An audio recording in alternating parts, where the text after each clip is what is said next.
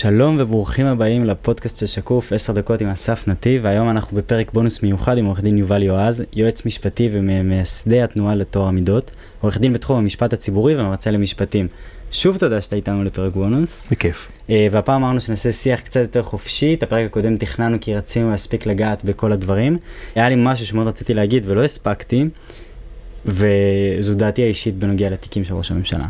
בעיניי התיקים החמורים ביותר הם תיק 2000 ו-4000, כי מעבר לעניין של שוחד, יש פה עניין של עירוב של התקשורת ופגיעה בדמוקרטיה, התקשורת כרשות רביעית, ככלב השמירה של הדמוקרטיה, ובעצם ההאשמה הזאת, החומרה שלה לא נובעת רק ממעמדו של ראש הממשלה, אלא גם מאנשים בצד השני, במקרה אחד שאול אלוביץ' שהחזיק בוואלה, ונוני מוזס מוציא לאור החזק בישראל, בעל השליטה בקבוצת ידיעות אחרונות, ולכן זה גם הופך את תיק 2000 לחמור יותר בעיניי, לעומת תיק 4000, על אף השוחד הגדול. מה אתה חושב? שמע, נורא קשה לי להשוות בין החומרות של הפרשות השונות ולנסות לחשוב מה יותר חמור בעיניי. יש לי איזה מין תחושה כזאת, שככל שאנחנו מדברים יותר והתקופות הולכות ומתארכות, ומדברים יותר בשיח הציבורי, בתקשורת, על שחיתות שלטונית, וככה זורקים את המילה שוחד ואת המילה מרמה והפרת אמונים, והמילים האלה מאבדות את המשמעות שלהם, כבר מפסיקות לזעזע אותנו. המילה הקטנה הזאת, שוחד, היא מקפלת בתוכה דברים איומים. את הדבר הכי נורא שאדם שמחזיק במשרה ציבורית מקבל את שכרו מאיתנו, מקופ... מאיתנו, מקופת הציבור, ואמור לפעול אך ורק למען הציבור ולמען האינטרס הציבורי, זה מגלם את הדבר הכי נורא שהוא יכול לעשות, כי הוא בעצם עושה שימוש לרעה במשרה הזאת שלו, שהמטרה שלה היא לפעול לטובת הציבור כדי לפעול לטובת עצמו, לטובת מקורביו. זה שמיים נופלים. זה התגשמות הגרוע בסיוטים כאשר אנחנו מדברים על איך השלטון אמור לפעול למעננו. הדבר שהכי מדהים בזה, ש... אני לא מכיר אזרח או אזרחית שהיו מוכנים לקבל את זה מעובד שלהם. זאת אומרת, בתוך העסק הפרטי שלהם, הם לא היו מוכנים לקבל את זה. אבל כשזה משהו גדול, אמורפי, ראש הממשלה, חברי כנסת, שרים, שם מקבלים את זה. כן. זה אה, מוזר. זה כרסום בתפיסות המוסריות שלנו כחברה. אלה חדשות מאוד מאוד רעות. אנחנו רואים את זה אגב לא רק בארץ, אנחנו רואים שכאשר אנשים שפועלים באופן בלתי ראוי, נאמר את הדבר בשיא העדינות, בית משפט עוד לא קבע אם זה פלילי ועוד לא הוכח מעבר לכל ספק סביר, אז נדבר במילים עדינות. אנשים שנמצאים בשלטון ופועלים באופן בלתי ראוי, בעצם משליטים נורמות של התנהגות על החברה. אחרי שנה, אחרי שנתיים, אחרי שלוש, זה מה שהזיכרון הקולקטיבי החברתי זוכר. ילדים גדלים לתוך תודעה ציבורית כזאת שהכל מותר, שהדברים האלה מותרים. אם אתה היית יכול לקבוע את הקו של הנורמה הציבורית, לפני הרף הפלילי, הרף הפלילי בוא נלך עליו במובן מאליו, מישהו שהורשע צריך לשבת מאחורי סורג ובריח וכן הלאה. וכולם כמובן זכאים לחזקת החפות. אבל כשמדובר באישי ציבור והליכים ארוכים, וזה חקירות, ואז החלטות של הפרקליטות, שלפעמים חלקן תמוהות, עורך דין אה, יהודה ויינשטיין ותיק ליברמן זה אולי מקרה שמסמל כמה דברים תמוהים, איפה אתה היית מותח את הקו הזה בין חזקת החפות שמגיעה לכל אדם, גם אם הוא ראש ממשלה, לבין הרף הפלילי? אוקיי, okay, אז השאלה שלך שולחת אותי למקום הממשק שבין המשפט הפלילי לבין המשפט הציבורי. המשפט החוקתי והמנהלי שלנו, המשפט שעוסק ברשויות השלטון. במשפט הפלילי חזקת החפות חלה, היא קיימת והיא מקודשת, חייבים להגן עליה. וחזקת החפות הזאת אומרת שאדם שטרם הורשע בבית משפט בהליך פלילי, זאת אומרת לא הוכח מעבר לכל ספק סביר שהוא אשם בביצוע העבירות הפליליות המיוחסות לו, אי אפשר להעניש אותו. אי אפשר לגזור עליו לא קנס ולא מאסר על תנאי ולא מאסר בפועל ולא לשלוח אותו לבית סוהר. זוהי חזקת החפות. חזקת החפות חלה בתחום המשפט הפלילי. היא לא חלה לא במשפט הציבורי והיא לא חלה בתחום של משפט הציבור נקרא לזה. כלומר בשיח הציבורי פוליטי, בדין הבוחר, היא לא חלה והיא לא אמורה לחול כי הכללים הראייתיים שחלים במשפט הפלילי הם שם בגלל אותם כלים דרסטיים שיש בידי רשויות השלטון להעניש פלילית אנשים שפשעו, להכניס אותם לכלא ולהרחיק אותם לשנים לפעמים משורות החברה. במשפט הציבורי, כאשר נבחרי ציבור חשודים בעבירות פליליות או הופכים להיות נאשמים בעבירות פליליות, כאשר מוגש נגדם כתב אישום, אז יש איזה שהן תוצאות לעניין הזה במישור של המשפט הציבורי. זאת לא ענישה. כאשר בית המשפט העליון בשנת 1993 קבע במה שאנחנו מכירים היום כהלכת דרעי פנחסי, ששר או סגן שר שהוגש נגדם כתב אישום לבית המשפט, לא יכולים להמשיך לשבת בתפקידם זה כחברי הממשלה, כאשר הם גם נאשמים במשפט פלילי בעבירות חמורות, הוא לא עשה את זה כסנקציה פלילית או כסנקציה שהוא הטיל על ראשם.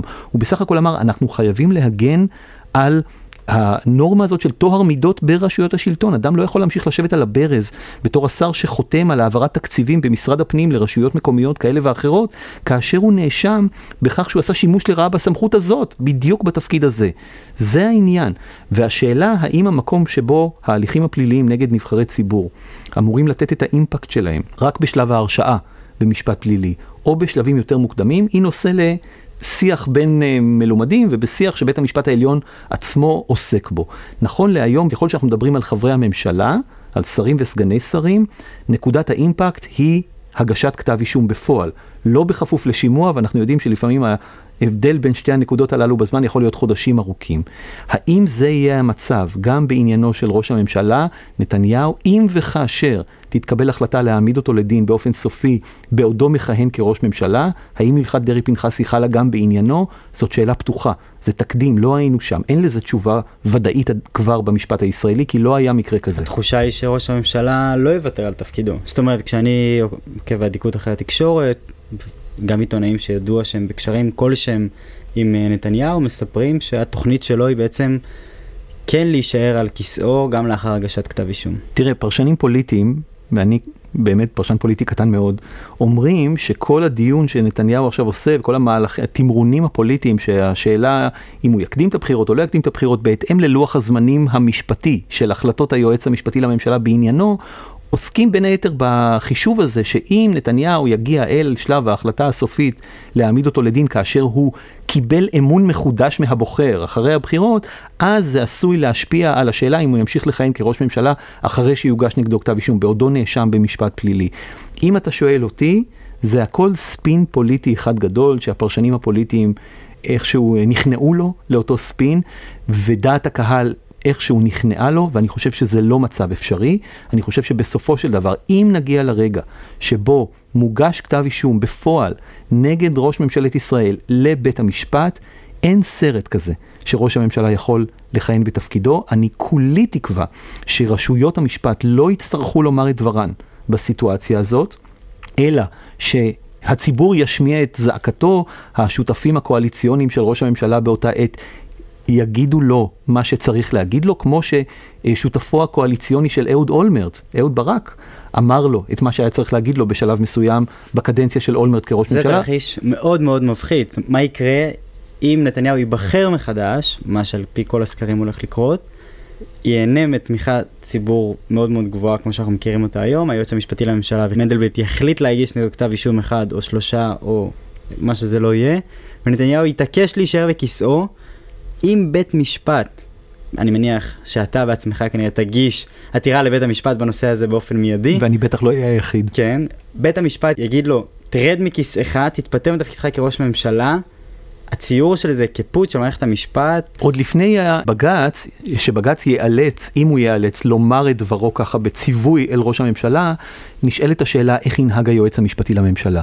אני שוחחתי לפני כמה חודשים בנושא הזה עם אישיות משפטית מאוד מאוד מאוד בכירה במדינת ישראל, מהאנשים שמבינים הכי הרבה בנושא הזה לאורך שנים רבות, והוא נמצא בדעה מוצקה שאם היועץ המשפטי לממשלה יחליט להגיש כתב אישום נגד ראש הממשלה בעודו מכהן, בעצם תחול חובה משפטית על היועץ המשפטי לממשלה להנחות את ראש הממשלה להתפטר מכהונתו, ואם ראש הממשלה ימרה את פיו ויאמר לו, עם כל הכבוד לעצותיך, אני לא מקשיב לך, אזי היועץ המשפטי לממשלה אסור לו להגן על ההחלטה הזאת של ראש הממשלה בבג"ץ. כלומר, אם תוגש עתירה, הוא יצטרך להתייצב לצד העותרים ולהגיד, הם צודקים, ראש הממשלה חייב להתפטר. עורך דין יובל יועז, מרתק לשמוע, תודה רבה רבה רבה. בכיף.